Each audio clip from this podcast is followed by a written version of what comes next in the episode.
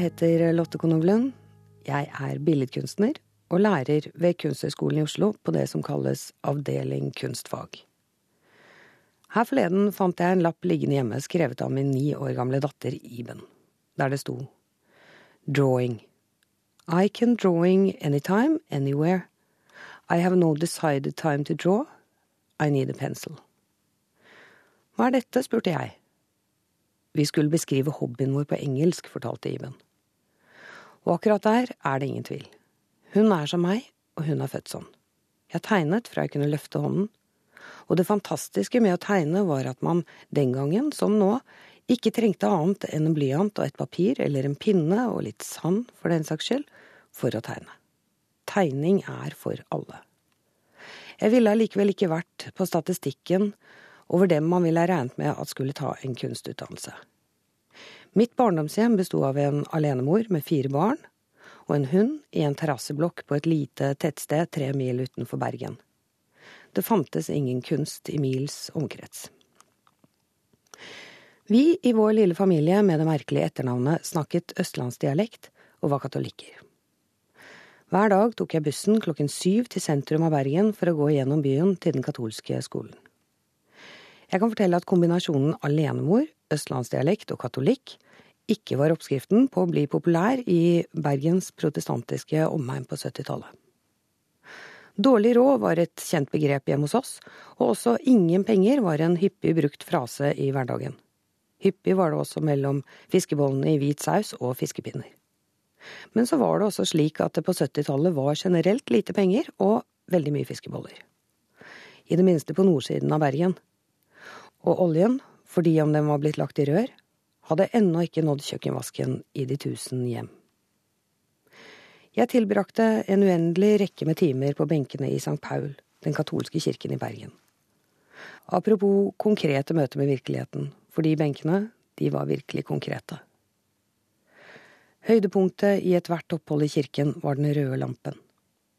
Jeg vet ikke når noen fortalte meg det, men jeg var ikke gammel da jeg, antageligvis for å holde munn, ble fortalt at der, inne i det mykt skinnende røde lyset, var Gud. Rett og slett. For sånn er det med de katolske sakramentene. Det er ikke noe man forestiller seg, det er. Etter det kunne jeg sitte i timevis og stirre på det røde lyset. Og til og med jeg, som ikke-troende, kan si at jeg virkelig opplevde et nærvær. Jeg tror den røde lampen er grunnen til at jeg senere har blitt opptatt av konseptuell kunst altså ideer om kunst. Det var noe med blandingen av det sanselige i det røde lyset satt sammen med ideen om at det er noe der inne. Det var hvordan tingene kan få liv og faktisk bli levende ved hjelp av omgivelser, plassering og overbevisning. Det gjorde meg så interessert, dette møtet mellom den veldig virkelige lampen og det at den skulle inneholde det største av alt, selve Gud. Og denne interessen virkelige interessen for ting, har fulgt meg siden. Og jeg har hatt god bruk for den når jeg jobber. Den driver meg videre. Opplevelsen av lampen ga meg en forståelse som var større enn alle prekenene, som for meg var mer en bakgrunnslyd for mine egne oppdagelser der på den harde benken. Senere fant jeg ut at det røde glasset i disse lampene inneholder mange prosent gull som gjør at lyset blir mykt. Det myke i lyset var ikke innbilning ganske så smart. Da jeg hadde min aller første utstilling, etter at jeg var ferdig på Kunstakademiet i Oslo, kjøpte jeg meg en slik rød lampe, produsert for katolske kirker, med gull i, og monterte den i galleriet. Den var en av de første verkene jeg viste som ferdig kunstner. Siden da har jeg alltid hatt lampen med meg der hvor jeg bor, og jeg tenner opp i den hver gang jeg trenger litt tilstedeværelse av noe annet. En av de første platene jeg kjøpte meg, selvsagt på vinyl, var Ratka Ratkatonov Fairytales fra 1982. For meg like norsk som vinteren, og her er åpningssporet. The Moon is a Harsh Mistress. I 2007 var jeg rett og slett sliten. Av jobben som kunstner. For å bekrefte enhver fordom noen der ute måtte ha om samtidskunst, så hadde jeg en periode der det å arbeide med samtidig kunst opplevdes som et lite, lukket rom som handlet om ting som jeg ikke brydde meg om. Som for eksempel oppblåste og uvesentlige diskurser på engelsk, men bare for nordmenn, med teori om ganske lite som diskuterte seg selv. Dette var jo før finanskrisen i Europa, og verden der ute var ganske klar for ingenting for mye penger. Og jeg ønsket meg bare bort fra det hele. Jeg tror alle har det slik på jobben sin av og til, men i og med at jobben min er noe jeg finner opp hver eneste dag, og da mener jeg ikke oppgavene jeg måtte ha på en jobb, men selve jobben. Den er noe jeg må finne opp om og om og om igjen hver eneste dag, med meg selv som utgangspunkt. Og da gjelder det å kjenne at det er viktig det man gjør, at det betyr noe, og at det teller. Mest for deg selv, men også for andre. På den tiden hadde jeg et lite barn, og jeg gikk mye i Botanisk hage, som kanskje er et av de aller fineste stedene i Oslo. Det fins knapt noe bedre sted å trille en barnevogn i denne byen for oss som holder oss i sentrum. I huset som ligger ved utgangen til Munch-museet, Botanisk museum, var det et lite galleri der de viste tegninger av Dagny Tande Lid. Jeg er sikker på at mange nikker gjenkjennende når jeg nevner navnet hennes. For da jeg vokste opp på 70-tallet, var Dagny Tande Lid like kjent for tegningene på et kaffeservise som befant seg i en brorpart av norske hjem, som hun var for å ha tegnet alle tegningene i Norsk Flora. Eller kortversjonen Norsk Fjellflora. Begge skrevet og forsket frem av Johannes Lid, som var Dagny Tande Lids ektemann, og som hun arbeidet sammen med hele sitt voksne liv. Tegningene som var stilt ut, var nydelige. Sirlige og perfekte blomstertegninger. Nyttetegninger med en egen måte å uttrykke seg på. Det kunne jeg se gjennom vinduet, men galleriet var stengt, så jeg fikk ikke se hver tegning ordentlig. Vi holder stengt på grunn av manglende midler til vakthold, sto det på døra. Og jeg tenkte at hvis jeg skulle få et stipend det året, ja, da ville jeg be om å få være utstillingsvakt i Dagny Tande Lids utstilling gratis, for å holde den åpen, slik at flere mennesker skulle få se tegningene hennes. Og det fikk jeg. Jeg fikk stipend. Så jeg skrev et brev til Botanisk hage og fikk tillatelse til å sitte vakt. Jeg sa at det eneste jeg ønsket meg til gjengjeld, var at jeg kunne tegne i rommet jeg satt vakt i. Og at jeg ville at noen skulle komme inn til meg med en blomst hver dag og fortelle meg litt om den, sånn at jeg kunne tegne den med utgangspunkt i det jeg fikk vite. Den juni måneden i 2007 satt jeg vakt i Botanisk hage. Hver dag syklet jeg hjemmefra. Den gangen lå det i Lodalen. Jeg syklet over Galgeberg og bort hele Kjølberggata, forbi Munch-museet og ned til Botanisk hage. Og hver dag ble det litt grønnere. Hver dag skjedde det noe nytt, som at lommetørkletreet blomstret med store, hvite blader som lignet på nettopp lommetørklær. Og hver dag kom professor Per Sunding inn til meg med en blomst eller en plante som han ga meg sammen med en liten forelesning. Det var vår egen rockelegende Michael Krohn og Raga Rockers med Gatelangs fra 1990. Jeg lærte veldig mye på én måned. Jeg lærte om Dagny Tande Lid og hennes liv, om hvordan hun sammen med mannen hadde samlet Norge i tegning og tekst om vår flora. Jeg fant ut at hun, som meg, var utdannet ved Kunstakademiet i Oslo, og at hun hadde testamentert 5000 tegninger til Botanisk museum. Jeg ble bevisst hva blomster og vekster er, eller kan være, og om forskjellige måter å tegne blomster på. Jeg fikk tilgang på det lukkede biblioteket i Botanisk museum, og jeg fikk bla i bøker som var mange hundre år gamle. Vakre, lærinnbundne bøker med tegninger. Jeg lærte at de tidligste botaniske tegningene ble funnet i Mesopotamia i Egypt for 4000 år siden, og at det var Aristoteles og hans elev Theofrastus som var de første til å systematisere en oversikt over blomster og trær og planter med tegninger rundt 350 år før Kristus. Jeg forsto etter hvert at det ikke bare var å tegne blomstene slik jeg pleide å tegne, altså i min strek. Jeg måtte ta noen valg først. Skulle jeg tegne som jeg pleide, da ville det se ut som en av mine tegninger. Men da var det som om blomsten forsvant og ble mer meg enn seg. Men tegnet jeg innenfor en tradisjon, var det som om det var jeg som forsvant, og tegningen ble én av tusen tegninger. Rett og slett en tradisjonell blomstertegning. De som kom for å se Dagny Tande Lid, regnet meg for å være toalettvakt eller guide. Og jeg guidet. Om Dagny Tande Lid og om blomster. Om Munch og om hans museum, som ligger der bare 100 meter unna. Etter hvert som jeg ble varm i trøya, snakket jeg om eh, hvordan man ser på Edvard Munch som det norske. Men hvordan Dagny Tande Lid sine tegninger, ja, hele hennes livsverk, som var stilt ut der, utfylte Edvard Munch. For mens hans malerier var reportasjer fra det indre, fra følelsene og de forbudte tankene, og som har vist oss nordmenn at vi er så mye mer enn det vi har trodd, kunne Dagny Tande Lid fortelle oss hva vi faktisk er.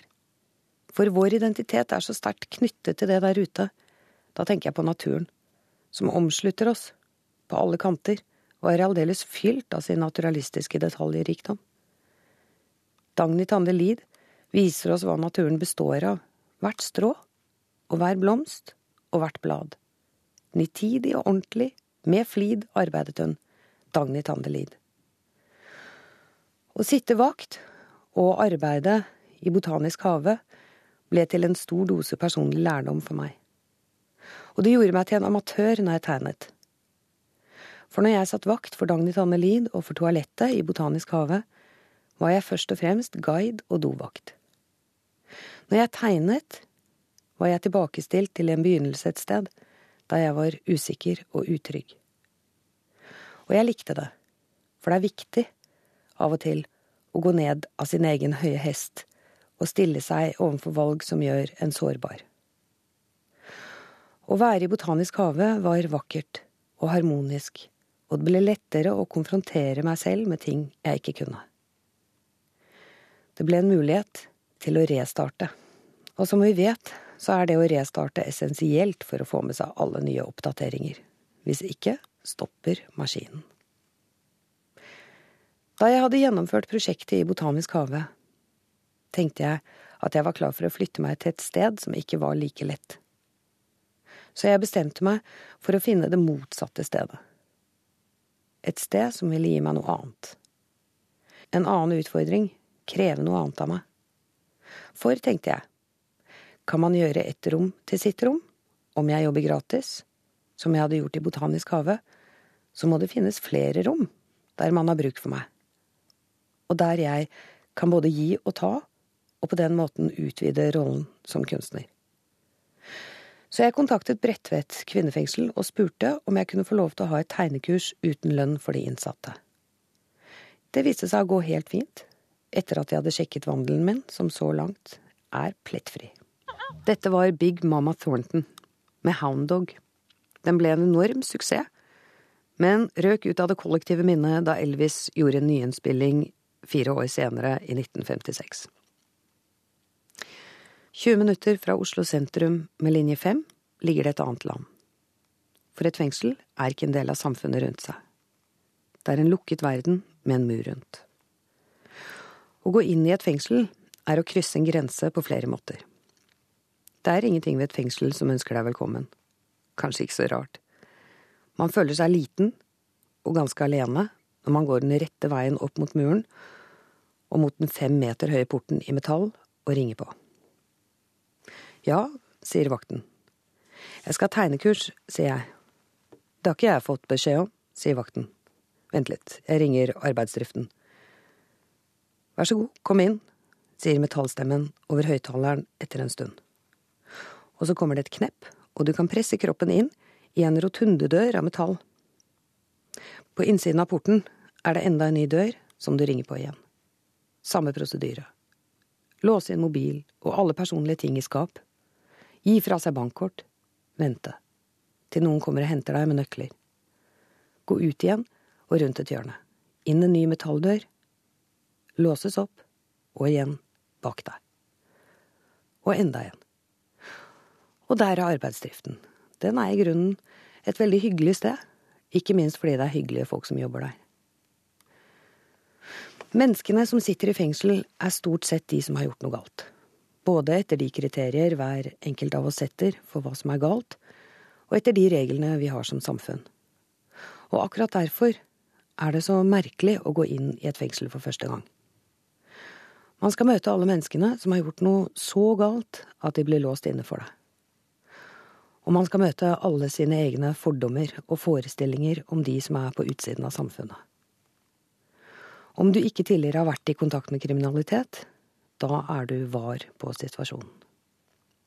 Etter hvert som man begynner å se menneskene man møter i et fengsel, virkelig se de man sitter overfor, blir man nødt til å minne seg selv på akkurat det, at det er en grunn. For etter en stund ser man folk. Folk med ofte grusomme bakgrunner, eller en historie som kan gjøre deres feilgrep mer forståelig. Samtidig vet jeg at det er mennesker der som har gjort ting jeg ikke vil vite om, fordi det blir for vondt å tenke på. I syv år har jeg arbeidet i Bredtvet nå. Det har vært fire uker hvert år, to ganger i uka. I forhold til de som arbeider der hver dag, er det ikke mye. Men de ansatte forsikrer meg om at mitt årlige kurs gir noe annet, som et velkomment avbrudd i den ensformige hverdagen som finnes inni det merkelige samfunnet et fengsel er. Det gjør det også for meg. Det rykker meg ut av den hverdagen jeg lever i, og får meg til å se noe helt annet. I grunnen virker det omtrent på samme måte som kunst virker på meg. I Bredtvet har jeg fått se hvordan finanskrisen beveger seg gjennom Europa gjennom disse syv årene. Jeg har sett at hvem som sitter der og hva de har gjort, har beveget seg i forhold til økonomien. For jeg arbeider stort sett med internasjonale innsatte. De som ikke har noe tilbud fra Nav eller andre aktivitetskurs. Det er de som ikke kan norsk, og som ikke ønsker å lære seg norsk, fordi de skal deporteres den dagen de er ferdig med å sone. De kan velge mellom å tjene 52 kroner dagen ved å jobbe på arbeidsdriften, eller la være å jobbe og tjene ingenting. De fleste av fangene sender pengene de tjener, hjem til familien i et annet land, så de velger å jobbe. 13. januar 1960 hadde Johnny Cash fått til noe han hadde ønsket seg lenge. Han spilte foran de innsatte i Folsom Prison i California, og konsertene ble til et av hans aller beste album. Her er Cocaine Blues. Vi sitter i et lite rom og tegner rundt et bord. Bordet har voksduk, og vi har radioen på i bakgrunnen. For kvinner med barn er savnet av barna deres det altoverskyggende, og vi ender ofte opp med å tegne portretter av små ansikter fra slitte fotografier. Samtalen går på det språket vi får til.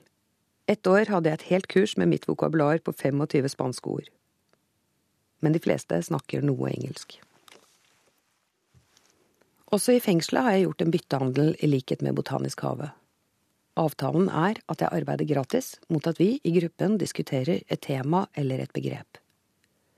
Temaene til nå har vært varierte som Finn noe som kan representere deg, men ikke er deg. Lag et selvportrett med noe annet enn deg selv.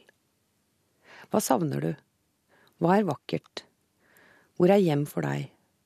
Hva er frihet? Og i år, hva er kjærlighet? Det er enkle temaer, men de gir ikke nødvendigvis enkle svar. Hvert år har jeg opplevd å bli virkelig overrasket når kvinnene svarer på temaet. Enten ved en tegning eller med ord jeg skriver ned. Hva savner du, spurte jeg og en kvinne sa Jeg savner å få vaske mitt eget bad. Jeg hadde virkelig ikke tenkt over det noen gang, at det ville kunne komme til å bli et savn, men det er selvsagt fordi jeg er så privilegert at jeg har min egen private sfære intakt. Hva er vakkert, spurte jeg. Å ligge på cella en dag på våren, når det egentlig er for kaldt til å ha vinduet åpent, og høre snøen løsne fra taket og falle ned på bakken. Det er vakkert, sa en av jentene. I fjor var spørsmålet hva er frihet? Frihet? Jeg skal si deg hva frihet er, jeg, sa en kvinne. Frihet er å sette premissene for hvem, hva, hvor og når. Frihet, sa en annen, er å få holde datteren min mens hun sover. Om du er en av de som tror at norske fengsler er en drømmetilværelse for mennesker fra andre land, da kan jeg berolige deg med at det ikke stemmer. Å være innelåst er noe for seg selv. Noen av kvinnene forteller meg om hvordan de overlever klaustrofobi på cellene sine ved å ha radioen på hele natten. De må ha lyd, for å få puste. I helgene er de innelåst i 18 timer i strekk. Jeg kan selv kjenne et glimt av klaustrofobi når jeg blir låst inne med seks innsatte i et rom med jernstenger foran vinduene. Et fengsel er ikke et hjem. Det er et sted uten privatliv. Uten eget liv. Det er et sted der alt det du bygger rundt deg, det finmaskede, store nettet av trygghet, som de fleste bruker hele livet på å bygge seg opp, bestående av alt fra familie, venner, en jobb å gå til, og steder å være, som er fylt med ting du kjenner, språket du snakker, og den responsen du får på det du sier, i det hele tatt, alt du trenger for å fungere og som gir deg en indre ro, som bekrefter deg. Det vi kaller identitet. Og dette finnes ikke i et fengsel. Straffen er å ikke ha en identitet.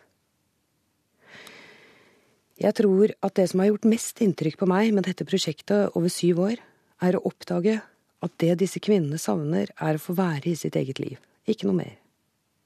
Få lage mat, småprate med barna sine, få legge dem om natta og stå opp med dem om morgenen. De savner det vi andre ikke legger merke til i våre liv, fordi vi ikke har fått satt det på prøve. Å lære å sette enda mer pris på livet mitt har vært en frynsegode i dette prosjektet. Et bilde på deg som ikke er deg, spurte jeg. Mary J. Blige, no more drama, svarte en av jentene. I 15 år hadde jeg atelier på Borgen. Borgen var den store bygningen som lå ved siden av vannspeilet i gamlebyen, og som hadde et Aftenposten-skilt på taket. Det var det nedlagte administrasjonsbygget til Jernbaneverket. Øystein Øyhus, en stor mann med godt mavemål og godt humør drev Borgen i 20 år. Mest av ren entusiasme. En av mine dager på atelieret kunne starte med å møte Øystein på parkeringsplassen og slå av en prat. Jeg kunne stikke innom Sjur på snekkerverkstedet hans for å se hvordan det gikk med en skulptur han holdt på å bygge for meg, eller Bolt, som var en smie i rommet ved siden av, drevet av en kunstner. Om jeg trengte hjelp til konstruksjon eller beregninger av noe, hadde jeg prototyper som lå på siden av bygget. I andre etasje lå arkitektene som stilte opp om man skulle trenge litt hjelp til plan og snitt. På ettermiddagen hørte jeg bassen av et av banda som spilte i femte etasje. Og vi snakker bra band. På Borgen har alle spilt. Fra Raga Rockers til DumDum Boys, Backstreet Girls og Madrugada.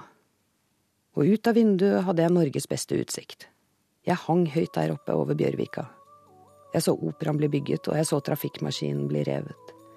Og jeg så Barcode dukke opp, som faretruende tegn i horisonten. Lite visste jeg at det var dette tegnet på kjøpekraft som en dag ville rive grunnmuren bort under meg og alle de andre kunstnerne i dette fantastiske huset. Det var Dundon Boys. Tyven Tyven fra Ludium i 1994 spilte inn på Borgen. Jeg heter Lotte Konovlen. Jeg er billedkunstner og lærer ved Kunsthøgskolen i Oslo på det som kalles avdeling kunstfag. Inne på mitt atelier var det som regel rotete. Det var ting jeg hadde samlet. Ikke for det, jeg er ingen samler. Men det var ting jeg ikke hadde klart å kvitte meg med, og kunst jeg hadde laget, eller halvveis laget. Da jeg kom tilbake til atelieret, etter å ha vært i Botanisk hage og i Bredtvet, hadde det skjedd noe med meg. Og jeg så rommet på en annen måte. Jeg så at det som var der, det var der jeg var. Jeg hadde laget meg et liv uten å legge merke til det. Atelieret hadde alltid vært et sted jeg gikk til for å lage ting som skulle stilles ut og kanskje komme tilbake etterpå. Men det hadde ikke vært et sted jeg var, så jeg bestemte meg for å være på atelieret mitt. Og jeg begynte å se på de tingene jeg hadde der. Det var som å rote i et dødsbo og gå igjennom alle tingene, bildene og bevegelsene jeg hadde laget meg gjennom 15 år. Samtidig begynte jeg å lese om atelierets historie. Jeg lagde en forelesning om temaet. Jeg begynte å filme meg selv mens jeg jobbet i atelieret. Jeg bestilte en modell av atelieret mitt av en modellmaker. En perfekt utgave av mitt hjørne på Borgen. Og inni den plasserte jeg videoene av meg selv som arbeider sånn at betrakterne kan titte inn og få en følelse av å være til stede i et atelier mens kunstneren jobber. Modellen er såpass stor at barn må gå opp på en krakk for å titte inn. Jeg oppdaget at jeg hadde tatt med meg en ny forståelse av tid tilbake til atelieret. De siste månedene har jeg lagd videointervjuer med norske kunstnere om hva de tenker om arbeidsrommet sitt. Atelieret er et sted mellom oss, heter arbeidet. Det er fordi atelieret egentlig ikke finnes. Det er som om ordene kunst eller kunstner, noe som kan være hva som helst, det er begreper som fylles i møte med det. En av kunstnerne jeg intervjuet, var Rus Mesik. Han var en etablert kunstner i Mostar i Bosnia før krigen. Han kom til Norge i 1992 som flyktning, og har arbeidet her siden, som kunstner og som lærer på kunstskoler. Og han forteller om hvordan det var å se atelieret han hadde i hjembyen, med alt han hadde opparbeidet seg som kunstner, bombet til et svart hull i bakken. Og om hvordan han tenker på det å arbeide med kunst, som å komme til en ny by i et nytt land der alt er nytt. Du orienterer deg i små områder av gangen, du sirkler inn et område som du utforsker, før du går inn i nye områder, og du går hele tiden tilbake til det du har lært å kjenne for å tørre å gå videre. Og slik opparbeider du deg sakte en oversikt over en ny by. Atelieret er et sted jeg arbeider hver dag, sier Rus. Det er et sted der jeg ser på arbeidet før jeg går hjem, og et sted der jeg kommer tilbake for kanskje å forandre det jeg gjorde i går. Det handler om tid. Jeg er ikke opptatt av noe annet enn å få gjøre jobben min, sier Rus. Dette var Billie Holiday med den ikoniske Strange Fruit fra 1939. Den ble skrevet av en hvit jøde, Abel Aeropole, om lynsjingen av to svarte menn, Thomas Shipp og Abraham Smith, i Indiana i 1930. Jeg har det til felles med rus at jeg underviser, og virkelig liker å undervise. Jeg klarer egentlig ikke å skille den praksisen jeg har som kunstner, fra det å undervise i kunst. Det utfyller hverandre. Jeg er opptatt av formidling. Av å klare å overføre en erfaring fra en person til en annen. Og det går selvsagt begge veier mellom meg og studentene. Sist gang jeg ble virkelig rørt på en utstilling, var i Philadelphia Museum of Art i mars i år. Jeg hadde reist fra New York med en gruppe studenter for å se Marcel Duchamps sitt siste verk, Et Hande de donné, et verk jeg har hatt lyst til å se de siste 25 årene. Altså var det en slags pilegrimsreise. Og etter endelig å ha fått lov til å gå mot den tunge eikedøren og tittet inn i det bitte lille hullet som man kun legger merke til fordi det er så slitt rundt det av alle kinn som har lagt seg akkurat der, og endelig få se på dette bildet eller tablået, maleriet, skulpturen, eller ideen Duchamp har skapt på innsiden. Denne kvinnen som ligger i mykt gress med kjønnet helt åpent mot deg og holder en lampe. Og du vet ikke om hun ønsker deg velkommen, eller om hun er voldtatt der hun ligger. Det er denne blandingen av glede og smerte. Sikkert er det at hun refererer til Gustav Courbets maleri fra 1866, også med et åpent kvinnekjønn og med tittelen Verdens opprinnelse. Uansett, etter å ha sett et Tande Donné, gikk jeg litt rundt og tittet i museet, som er et av USAs største, og har en fantastisk samling av impresjonisme. Inne i en sal med bare Picasso-malerier kom jeg over en lærer som holdt en forelesning om kubisme til en gruppe elever i tiårsalderen. Her, sa han og holdt ut den tomme hånden sin, står det en melkekartong. Ser dere den? Og barna nikket bekreftende. Om du skjærer med en skalpell langs kanten av den, og han viste hvordan han skar langs kanten av den imaginære melkekartongen fra det ene hjørnet nederst til det andre. Oppover langs siden, og bortover igjen, men nå på oversiden av kartongen. Og så bretter du den ut, og han brettet ut den imaginære melkekartongen, forsiktig og holdt den opp foran klassen med to fingre. Da er den tredimensjonal samtidig som den er todimensjonal. Den har blitt en Picasso. Du ser hele melkekartongen fra alle vinkler, fordi om den er todimensjonal. Det var dette Picasso skjønte gjennom å se på afrikansk kunst. Hvordan forholder denne opplevelsen seg til perspektivet? spurte han, og så seg rundt, og tyve hender spratt i været. Å, de amerikanerne, som jeg misunner de, som jeg misunner denne dumdristigheten at de ikke er redd for noe. At de ikke har skam i livet, som det het da jeg var barn. Men aller mest, jeg misunner de fordi de ikke er redd for å formidle kunnskap. At de tør å gjøre det vanskelig enkelt. At de sier at kunnskap er for alle og tilhører alle, til og med barn. Og det var med en klump i halsen jeg måtte erkjenne at mitt barn, med sin store interesse for bildet, ikke har fått, og kanskje aldri vil få, den samme undervisningen som jeg fikk se der. For det var fint å se. Denne gleden over å få lov til å formidle kunst til de som er foran deg akkurat nå, uansett hvem det er. Uten skam. Og uten å måtte rettferdiggjøre kunsten. For i Amerika vet også barn at kunst er noe av det viktigste man har for å skaffe et land identitet. Og mens vi snakker om barnet mitt, jeg har lovet henne at hun skal nevnes her i dag, siden jeg nå en gang er på riksdekkende radio. Så jeg tenkte hun skulle få stå for avslutningen. På en måte. For om Iben, min datter, fikk velge avslutningssang, ville hun nemlig garantert ha valgt en låt av sitt favorittband One Direction. Vi to andre, som også bor hjemme hos oss, har døpt om det samme bandet til Wrong Direction. Men jeg har kommet frem til et kompromiss. Jeg har funnet originallåten til en sang som One Direction har laget en cover av. Og den var lenge, når jeg var rundt 20, en av mine absolutt favorittlåter. Så da møtes vi på midten, Iben og jeg.